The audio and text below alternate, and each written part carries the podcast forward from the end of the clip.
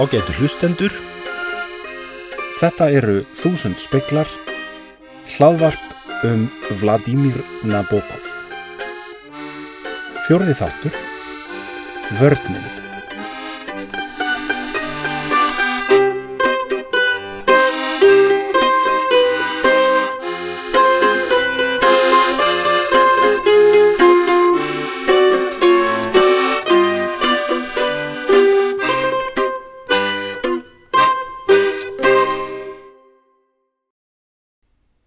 Rittöfundurinn Vladimir Nabokov var ötull skákmaður og eitti ótal vökustundum í að semja skákþrautir. Hann rætti oft um skák í viðtölum og bladagreinum. Þegar Fischer og Spassky mættust í Reykjavík árið 1972 var Nabokov komin á áttræðis aldur og bladamenn vildi ólmir fá álit gamla mannsins á þessum heims viðburði. Í svörum Nabokovs er engin skýr þráður. Hann tekst hverki á við viðregnina sjálfa og hefur kannski haft takmarkaðan áhuga á viðburðinum. Í útvarsviðtali við kanadísku stöðina CBC árið 1973 var Nabokov einfallega spurður hvers vegna sigraði Fischer Spassky. Nabokov svaraði bæði vegna þess að hann er betri leikmaður en líka vegna þess að hann er frjálsmaður í frjálsu landi. Ef hann gerir mistök í skákinni þarf hann ekki að óttast neina refsingar af hálfu stjórnmalda. Spassky greið er hins vegar alltaf umkringdur eftirlitsmönnum.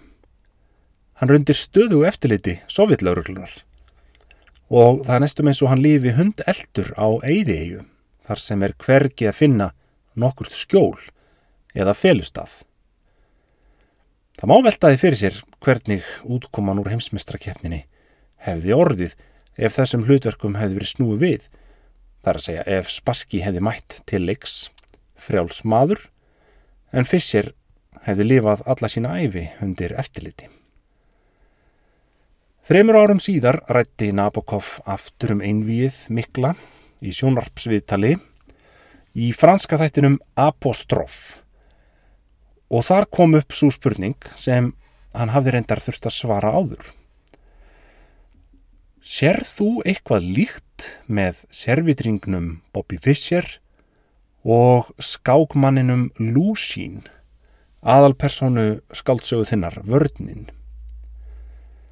Nabokov gerir ekki mikið úr þessum samanburði en bendir á að Bobby Fischer sé ekkert einstæmi. Furðufuglar og servitringar hafa verið viðlóðandi skáklistina lengur en eldstu menn muna.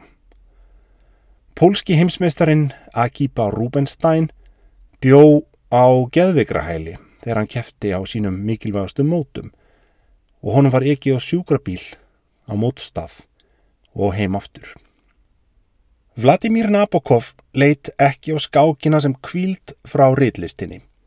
Heldur talar hann ítrekkað um að þetta tvent sé nátengt í hans huga. Það að skrifa skáldskap sé að mörguleiti eins og að tefla. Hann sagði að hugmyndina skáldsögunni Lolítu hefði uppaflega orðið til sem hugmynd að skákþraut en síðan þróast úr öðru forminu yfir í hitt. Í þýskri heimildamind frá árnu 1972 segir Nabokov að það að semja skákþraut útheimti nákvæma og langa ígrundun, stundum 20 klukkustundir, stundum 40 og þetta sé vinna sem geti drifst á marga daga. Fyrir honum var listin að semja skákþrautir tengd rítstörfunum á sama hátt og aðri rithöfundar gáttu fundið tengingu á milli þess að skrifa skáldsögu og þess að semja ljóð. Í minningabókinni Speak Memory fer Nabokov hratt yfir sögu þegar hann talar um Berlínar árin. Þar er 20 ára tímabil afgriðt í einum kabla og fókusin er eiginlega tvískiptur. Annars vegar fjallar hann á fullkomlega ópersónulegan hátt um bókmyndasenuna í hennu rúsneska útlaga samfélagi. Hins vegar fjallar hann á mjög persónulegan og einlegan hátt um það að semja skákþrautir. In the course of my life, I have devoted a prodigious amount of time to the composing of chess problems. To, to compose a chess problem, you must uh, concentrate uh, upon its construction for perhaps 20, 30, 40 hours, even more. Not in one day, of course, but perhaps two or three hours per day. Sometimes it takes a month, two months to construct one problem. But uh, they don't. Uh, uh, it, I think it is the same difference between a writer of prose who writes only prose and a writer of poetry. Uh, a, a, perhaps he, he, shows his poem to a, to a fiction writer, and the prose writer will say, well, poetry and prose are different things, which is not true, really. So it is in those problems, it is inspiration of a, I would say, poetical, mathematical type. Skaldsagan Vörnin er mesta skákbókin í höfundarverki Nabokovs. Verkið kom út árið 1930 og af personulegum skrifum Nabokovs frá þeim tíma þegar sagan var í smíðum, engum sendibrifum til ættingja og ástvina, má ráða að hann taldi sig vera með eitthvað stórbrotið í höndunum. Seks árum fyrr hafði Nabokov sendt frá sér þrjár skák-sonnettur sem eru fyrstu afurðir hans á skaldskaparsviðinu þar sem hann fjallar um skákina með beinum hætti. Sonnettuformið er stíft og reglulegt, rétt eins og skáklistinn sjálf og þessi kveðskapur gefur tónin fyrir vörnina á margan hátt. Ekki bara vegna þess að umfyllunarefnið er sambarilegt, heldur líka vegna þess að skaldsagan vörnin skiptist í 14 kabla og áhuga menn um bókmyndalegar formgerðir hafa gert tilraunir til að tólka söguna eins og sonnettu. En sonnettan hefur jú 14 línur sem kunnugt er. Í hefðbundinni sonnettu mynda ákveðnar línur heild og kvörf eiga sér stað eftir ákveði marga línur. Á sama hátt á þá að vera hægt að útskýra byggingu varnarinnar með því að telja kaplana. Aðalpersona skáldsjónar vörninn er Alexander Ljúsín sem er, rétt eins og Bobby Fischer, skáksnillingur sem gengur ekki hill til skóar. Ljúsín er lítill drengur í byrjun sögunar og frásögnin hefst þann dag sem hann ferðast með foreldrum sínum í lest til Pétursborgar eftir sæluríka sumardvöl á sveitasetri fjölskyldunar. Þetta er kunnuleg sena fyrir okkur sem þekkjum æsku og uppvöxt Nabokovs sjálfs. Það er komið að merkum tímamótum í lífi Lúsíns litla í upphafi bókarinnar. Hann á að byrja í skóla. En drengurinn er með eindæmum félagsfælinn og streytist á móti. Hann hreinlega höndlar ekki tilhugsununa um að þurfa gangi í skóla með öðrum börnum því hann er öðruvísi en þau og veit af því.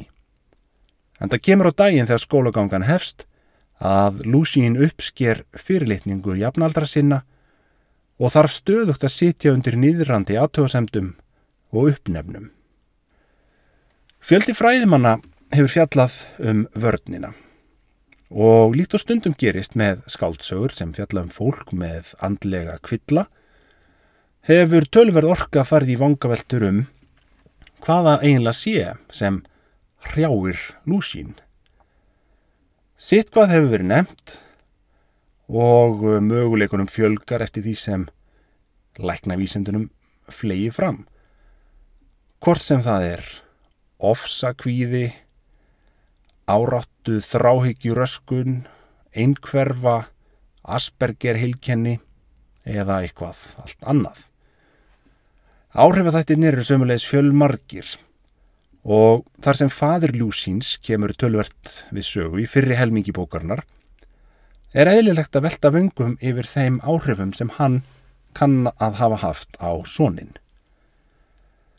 Fadirinn, Ljúsín eldri, er rítöfundur sem sérhæfir sig í að skrifa strákabækur, siðferðilega uppbyggilegar sögur um drengi sem fara sínar eigin leiðir í lífinu og verða svo afburða menn á fullorins árum. Hugleggingum föðurins um sónin er líst svo í bókinni og hér les ég upp úr íslenskri þýðingu Ylluga Jökulssonar sem útkom hjá Ormstungu árið 1999. Þau vand séðu sérkenni sem greindu són hans sjálfs frá öllum þeim börnum sem áttu að hans dómi eftir að verða fullkomlega hverstaslegt fólk, að því gefnu að slíkt fólk sé til. Þau tólkaði hann sem leinilegar hræringar uppbrennandi hæfileika.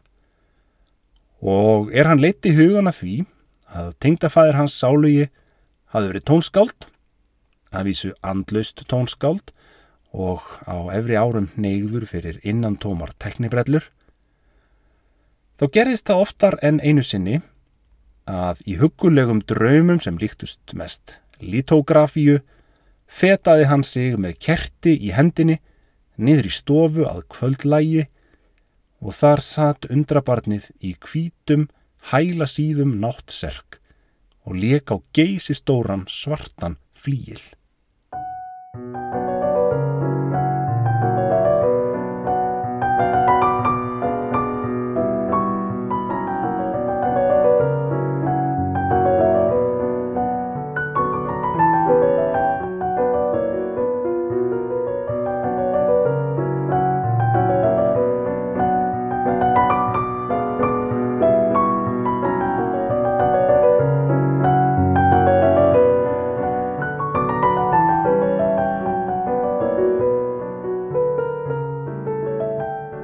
Hér er ekki komin hinn hefðbundni harðneskjulegi faðir sem við þekkjum úr svo mörgum öðrum uppvakstarsögum. Málsvari raunhægkerfisins og afreiks íþrótta anspennis innan tómu andlegu dútli. Lúsín eldri áttar sig vel á jaðarstöðu svona síns og ber þá von í brjósti að hún geimi vísbendingar um komandi afreg á listasviðinu. Nabokov greinir frá því í ingangi að enskri þýðingubókarnar árið 1963 að ónemdur amerískur bókaútgefandi hafi sínt áhuga á að gefa vörnina út á ensku strax á fjörða áratögnum en hann vildi gera umfangsmiklar breytingar á sögunni og láta Lúsín vera brjálaðan fyðluleikara fremur en skákmann. Nú er allt eins víst að Þessi frásögn sé hreitn uppspunni hjá Nabokov og um þennan ráðuríka bóka útgefanda eru engar aðrar heimildir. En hvað sem því líður, þá er samanbörður á skákinni og listsköpun til staðar í sögunni sjálfri. Drengurinn Lúsín sínir tónlist engan áhuga og í vittnisburðinum sem hon með gefin í skólanum er talað um að hann síni af sér sljóleika, sofandahátt og leti. Þegar hann síðan kynnist skákinni og horfir á drengi í skólanum tepla í fyrsta sinn, finnur hann einhverja óuppgötvaða og óskilgreinda ströyma innra með sér. Honum líður eins og hann skilji leikin betur en þessi drengir, þótt hann hafi aldrei prófaðan. Hinn allra fyrstu kynni hans af skák eru heimavið á vinnustofu föður hans. Lúsín eldri skipulegur tónlistarkvöld á heimili sínu á dánarafmæli tengdaföðu síns því hann vil halda minningu hans á lofti og fær þekktan fiðluleikara til að leika nokkur af verkum hans. Eftir flutningin rekst fiðluleikarin á drengin í einrúmi og ræður við hann um boks með tablmönnum sem er þar nærhendis. Fyðluleikarin lýsir skákinni sem guðdomlegum leik með endalösum möguleikum og með því er forvitni drengsins vakin. Í framhaldinu fer hann að prófa sig áfram með tablmennina, skoða skákþrautir í tímareitum og tefla við frængu sína sem hvetur hann til dáða. Allt þetta gerir Lúsín litli í laumi og án þess að fadir hans viti af því. Því fadirinn dregur úr öllu saman og reynir að stýra drengnum á aðrar brautir en í átt að skákinni. Með hjálp frængunar fær Lúsín tækifæri til að þroska hæfileika sína. Frængan sjálf er raunar algjör byrjandi í skákinni en hún þekkir góða skákmenn og stefnir þeim til fundar við drengin. Smám saman vex hann og verður betri og það líður ekki á löngu þar til kunnugir átt að segja á því að hér er efni í mikinn skákmann. Í fjörðakabla söguna gerist síðan nokkuð óvænt þegar frásögnin tekur risastort stök og hoppar 16 ár fram í tíman eins og hendi sér veifað.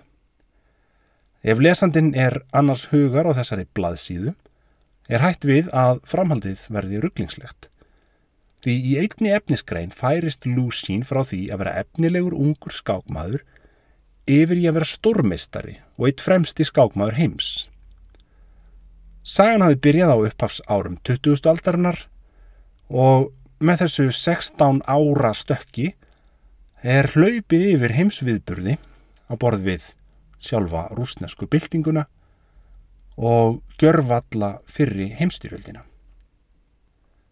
Það sem gerist í lífi Lúsins á þessum uppvakstar árum sem er sleft í sögunni skiptir auðvitað öllu máli fyrir það hvaða maður hann er á síðum sögunar eftir það. Sumt af þessu byrtist í brotakendu endurliti en margt er óljóst og hölið þóku. Eitt af því er dularfullur náungi sem heitir Valentínov. Sámaður virðist hafa verið blanda af þjálfara og umbósmanni Lúsins á þeim árum sem hann er að reyðja sér til rúms í skákheiminu. Valentínov er horfin af sviðinu eftir stökkið mikla í kabla fjögur. Hann virðist hafa nota Lúsin sjálfum sér til framdráttar og meðan hann var undrabarn en þegar barnið verður fullorðin maður er eins og Valentínov hafi skilað hann um aftur til föðurins. Lúsín rivjar upp samskipti sín við Valentínov á fullorðins árunum og finnst að margar af þeim reglum sem þessi leiðtói hans setti honum hafi verið nýðurlægandi. Valentínov hafi meðal annars ráðlegt Lúsín að halda sig alfarið frá áfengi en aftur á móti kvart hann til að reykja því slíkt færi góðum skákmanni vel. Hann setti stífarreglur um mataræði og reyndi að telja Lúsín trú um að skákhæfileikar hans stæðu í beinu sambandi við kynkvötina eða kæmu öllu heldur í hennar stað og þess vegna væri skýrlífi hans til fyrirmyndar. Í endurliti verðist Lúsín gramur yfir ímsu sem þessi kennari hans setti honum fyrir en þrátt fyrir allt fyllist hann þó tómleika eftir að Valentínov er horfin. 16 ár líða á svipstundu og meðal þess sem hefur gerst er að fadur Lúsins er látin en frá örlugum hans er sagt í fymtakabla bókarinnar. Frá með sjöttakabla fer sagan hins vegar að einblýna á samband Lúsins við konuna sem elskar hann og verður setna eiginkona hans. En nafn hennar er raunar aldrei gefið upp í sögunni. Við erum nú komin frá Pétursborg og til Berlínar, þar sem þetta fólk býr innan um aðra rúsneska útlaga.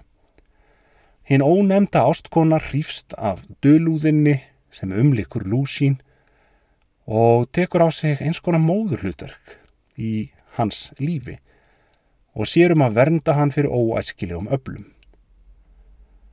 Fóreldrar hennar eru mjög efins um samband dóttur sinnar við þennan stór undarlega mann Þau reyna að tellja hana ofan af því að trúlofast honum og undistrykka að þau sjáu hann alls ekki sem æskilegan tengdason. Maðurinn sé einfallega ofyrtur til að geta tryggt henni sómasamlegt líf. En þau neyðast þó til að viðurkenna að Lúsín er raunverulega heimsfrægur og að samaskapi velsettur fjárhagslega. Tengdamóðurinn er stolt fröyka og hennar heimsmynd er mótuð í Rúslandi keisaratímas. Samfélagi sem var rökréttara en hinn glundróðakendi samtími. Þetta passar engan veginn inn í hennar heimsmynd að það sé hægt að hafa atvinnu af því að tepla skák og er að hennar mati til margs um skýra menningarlega hnignun. Sá smáborgarlegi heimur sem tengdamóðurinn lifir og hærist í hefur reyndar beina tengingu við mæju, fyrstu skáldsögun Apokovs. Því það kemur fram í áttundakabla að hún hefur hyrða fínu fólki í kringum sig, fólk sem heimsækir hana regluna í kaffispjall og þar á meðal eru Alfjórov hjónin. Við sem þekkjum fyrir sögur Nabokovs vitum að þarna erum að ræða mæju og eiginum hann hennar á árunum eftir að Ganín hefur látið sig hverfa frá Berlín. Þegar andlegir brestir Lúsíns koma betur og betur í ljós og fólki verður ljóst að hann gengur ekki hill til skóar kemur tengdamóðurinn með þau rauk gegn væntanlegum ráðahag dóttur sinnar að geðsjúklingum sé bannað með lögum að giftast. Lúsín á raunverulega möguleika á því að verða heimsmestari í skák. Hann hugsaður um skák allan daginn, alla daga. Hann dreymir skák á nóttunni og í skákinni finnur hann sinn gríða stað. Þar er hann frjáls undan þeim takmarkunum sem hamla honum í efnisheiminum. Höfuð andstæðingur Lúsíns á skáksviðinu er ítalski stórmestarin Turati sem er einhvers konar ógn í lífi Lúsíns en virðist þó vera góður og grandvar maður að því takmarkaða leiti sem við fáum að kynast honum í sögunni. Svo stund rennur upp að Lúsín og Turati eiga að mætast við skákborðið og Lúsín verður heldtekinn af því verkefni sem blasir við. Hann ver dögum og nóttum í að undibúa sig fyrir viðuregnina og stúderar í þaula þær skákir sem mótari hans hefur telt fram að því. Tilfellið er að Turati hefur tiltekna aðferð til að byrja sínar skákir og með því að þróa sérstakka vörn gegn þessari byrjun telur Lúsín sig eiga góða möguleika gegn honum. Þetta er svo vörn sem skaldsagan dregur nafn sitt af. En í henni upprunarlegu rúsnesku gerð heitir bókin Zashita Luzina eða Vörn Lúsíns. Loks rennur stóri dagurinn upp. Lúsín vaknar full klættur í rúminu sínu að morgni og gengur á mót staðinn þar sem skákmátið er haldið. Hann mætir of seint og Turati hefur beðið eftir hennum nokkra stund þegar hann kemur. Lýsingin á þessari örlagaríku skák er eitt dæmi af mörgum í sögunni um það hvernig Nabokov leggur sig fram við að nikja á tengslunum milli skáklistar og tónlistar. En líkingamálið er allt sótt í svið hins músikalska. Þetta er orðað svo í þýðingu Ítluga Jökulssonar. Í fyrstu var skákin Láróma. Láróma eins og hljóðlausar fýðlur. Síðan, alveg fyrirvara laust, hvað við fínlegur tótt. Það var einn af mönnum Turatis sem lagði undir sig skálínu. En um leið fór vottur af laglínu að heyrast úr herbúðum Lúsíns líka en þessum hljóðum tókst ekki að raða sér upp í heila laglínu. Önnur og dýpri nóta hljómaði annar staðar og báðir keppendunir gáfu títrandi reytin upp á bátinn og sneru áhuganum að öðrum hluta borsins. En þar þagnaði líka allt von bráðar. Öflugustu kraftar borðsins kölluðust nokkurum sinum á með lúðura þitt. Og þannig heldur textin áfram. Ég klippi hér út þá staði sem skipta máli. En lýsingin á skákinu við Turati er eins og verið sér að lýsa sinfoníuljónsveit að flytja mikla hlumkviðu. Ítalski stórmeistarin ákveður fyrirvaralaust að opna skákina með einhverjum allt öðrum hætti en venjulega. Og öll svo vinna sem Lúsín hefur lagt í að stúdera leiki hans er einski snít á augabræði. Vopnin eru slegin úr höndum hans og vörnin er ónýtt. Lúsín berst fyrir lífi sínu á skákborðinu og verðist hvorki vita í þennan heimni annan þegar starfsmenn mótsins tilkynna honum að tíminn sé búin í dag og leikurum fyrir byggð. Lúsín stendur upp frá borðinu, gengur út og hverfur á braut. Á þessu stíi málsins heyrir hann rattir og sér drauga.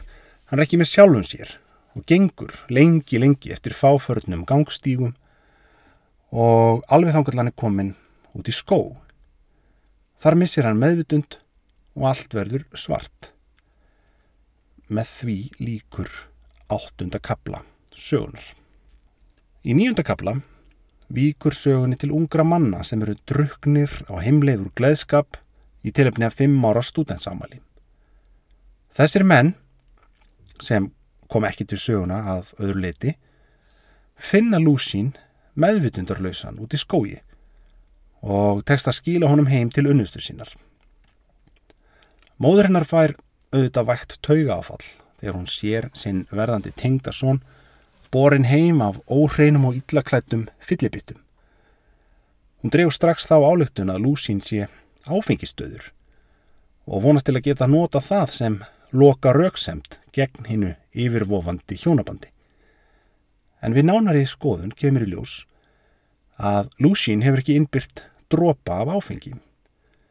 Hann hefur einfallega fengið tauga áfall eftir viðrögnina við Turati og sangat læknisráði velur hann að gefa byðskákina. Skákheimurinn er í uppnámi. Færustu skák rínar Evrópu skrifa um viðregnina í tímaritum næstu mánuðina og í öllum skákklúpum reyna menn að geta sér til um hvaða leikir hefðu komið næst. En hjá Lúsín tekur við langt og stránt bataferli. Hann dvelst lengi á heilsuhæli undir stífu eftirliti lækna og sálfræðinga sem reyna að koma böndum á áfallið og orsaki þess sem standa djúft í sálarlífinu. Ímislegt orkar tvímælis í því starfi, en allir eru þó sammála um að rót vandans liggi umfram allt í skákinni og ef Lúsín ætlar að forða sjálfum sér frá tortímingu verður hann að gefa skákin upp á bátinn fyrir fullt og allt. Unnustu hans ger sér fulla grein fyrir þessu og hún hótar jafnvel að fara frá honum ef hann svo mikið sem hugsar um skák framar. Hún reynir að byggja mann sinn upp með því að kenna honum allt það sem hann veit ekki. Fylla upp í eigðurnar sem eru í sálhans eftir margra ára tímabil þar sem ekkert annað en skákin komst að. Bókmentirnar eru meðal þeirra bjargráða sem hún finnur til og hún lætur Lúsín lesa ævintýrabækur Jules Verne, sögður um Sherlock Holmes, Önnu Karenínu eftir Tolstói og Dauðar sálir eftir Gogol. Eða eins og segir í sögunni. Fyrir utan þessar svo kallu klassísku bókmentir kom unnusta hans einnig með alls konar reyfara á frönsku. Hvað svo sem dreifði hugalúsins var fínt. Jafnvel þessar vafasömur sögur sem hann las af aðtegli, þó hann færi svo litið hjá sér. Ljóð aftur á móti, til dæmis þund bindi með ljóðum Rilkes sem hún kifti samkvæmt meðmælum bóksalans, þau gerðu hann illa ringlaðan og sorgmætan. Sömulegis bannaði profesorinn að Lúsín var látin lesa Dostojevski sem hefði, eins og hann sagði, þrúandi áhrif á sál nútímamassins. Eftir tauga áfallið hefst uppbyggingar starf og draumurinn um heimsmyndstratitil í skák verður að víkja fyrir öðrum markmiðum. Skákin verður að hinnu eigðandi afli sem þarf að útiloka úr lífi lúsins með öllum mögulegum leiðum. Fyrsta varðan í hinnu nýja lífi er brúðkaup. Lúsín kvænist unnustu sinni loksins og það er haldinn dásamdar fögur veistla brúðhjónunum til dýrðar. Nóttina fyrir brúðkaupið dreymir Lúsín að ítalski stórmistarinn Turati komi til hans. Frú Lúsín gengur aðrulaus inn í sitt nýja hlutverk sem eiginkona Lúsíns og eins konar lífvörður hans. Hennar verkefni er að gera Lúsín færan um að takast á við lífið, kenna honum öll undir stöðu atriði hins borgarlega lífs, en fyrst og fremst að halda honum frá skákinni. Þau fara saman í dýragarðin, á kaffihús og í bíó, lifa lífinu saman eins og venjulegt fólk. En ógnin er allstaðar handan við hortnið og í síðustu köplum bókarnar er sagt frá því hvernig Lúsín reynist sífælt örðugra að spyrna á móti draugum fortíðarinnar. Þegar þau hjónin fara saman að sjá kvikmynd, skömmu eftir brúðköpið, er það í fyrsta skipti sem Lúsín stýgur fæti inn í kvikmyndahús. Í einni senumyndarnar kemur skákborð við sögu sem aukarlutur og frú Lúsín verður að sjálfsögðu byllt við. Nokkru síðar finnur Lúsín leðurveski með litlu ferðataplborði innan í fóðurinu á einum frakkanum sínum. En þessi smáhlutur hafi sloppið undan vökulum augum þeirra sem fóru höndum um búslóð Lúsíns eftir tauga áfallið og eittu öllum ummerkjum um skák. Lúsín þreyfar saglýsislega á taplmönnunum og áður hann veit af er hann svo gott sem ósjálfrátt búin að raða þeim upp á borðinu í nákvæmlega sömu stöðu og taplmenninir í skákinu á móti Turati voru þegar henni var slitið. Öblin innra með honum toga hann í átt að gamla lífinu, burt frá grandaleysinu og örginu sem eiginkona hans hefur búið honum. Í texta skáltsögunar er þessari tókstreitu líst á forsendum skáklistarinnar og hinn örvendingafulla barátt að lúsins við að halda lífi andspænis sínum innri draugum er vörninn, vörn lúsins.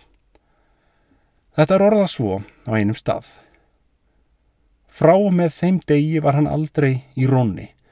Hann varð, ef hann mögulega gatt, að setja saman einhverja vörn gegn þessari undirförulu fléttu til að losna undan henni.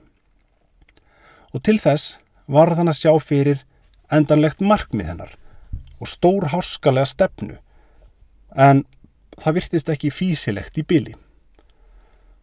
Og tilhugsuninum að endurtekningin myndi sennilega halda áfram var svo skjelvileg að hann langaði mest til að stöðva klukku lífsins, hætta skákinni endanlega, frjósa og um leið veitti hann því eftirtekt að hann helt áfram að vera til eða einhver undirbúningur var í gangi Einhver sílaleg hreyfing helt áfram og hann hafði ekkert vald til að stöðva þessa þróun. Í síðasta kabla bókarnar er orði ljóst að hverju dregur. Lúsín getur ekki haldið vörninni til streitu og stefnir hraðbyri í glötun. Örlega stundin verðist óumflíjanleg þegar hann lendir á óvendum fundi einn daginn. Það er Valentínov, hans gamli lærimistari, sem kemur aftur að finna hann. Erindi hans er að fá Lúsín til að taka að sér smá hlutverk í kvikmynd. Valentínov hvaðist vera orðin áhrifamadur í kvikmyndabransanum og er með verkefni í smíðum, mynd um dreng sem verður frægur skákmaður. Í einu atriði myndarinnar á að vera stórmót þar sem nokkrir raunveruleg skákmenn eiga að leika sjálfa sig og tepla við aðalpersonuna. Að sögn Valentínovs hefur Turati samþygt að vera með í myndinni, svo nú vantar bara Lúsín. Valentínov lítur á sjálfa sig sem einhvers konar föður ímynd Lúsíns og telur að Lúsín eigi honum allt sitt að þakka svo að þessi litli greiði sem hann byður um hljóti að vera alveg sjálfsagður. Þessi síðasta samverstund með Valentínov reynist vera koss döiðans. Þegar Lúsín kemur aftur heim til eiginkonu sinnar er hann hillum horfin. Hann læsir sig inn í herbergi, opnar gluggan, stekkur út og endar þar lífsitt. Það síðasta sem Lúsín sér áður en hann lætur sig falla út um gluggan er tómið langt fyrir neðan og hann sér ekki betur en að þetta tóm skiptist í svarta og hvita reyti.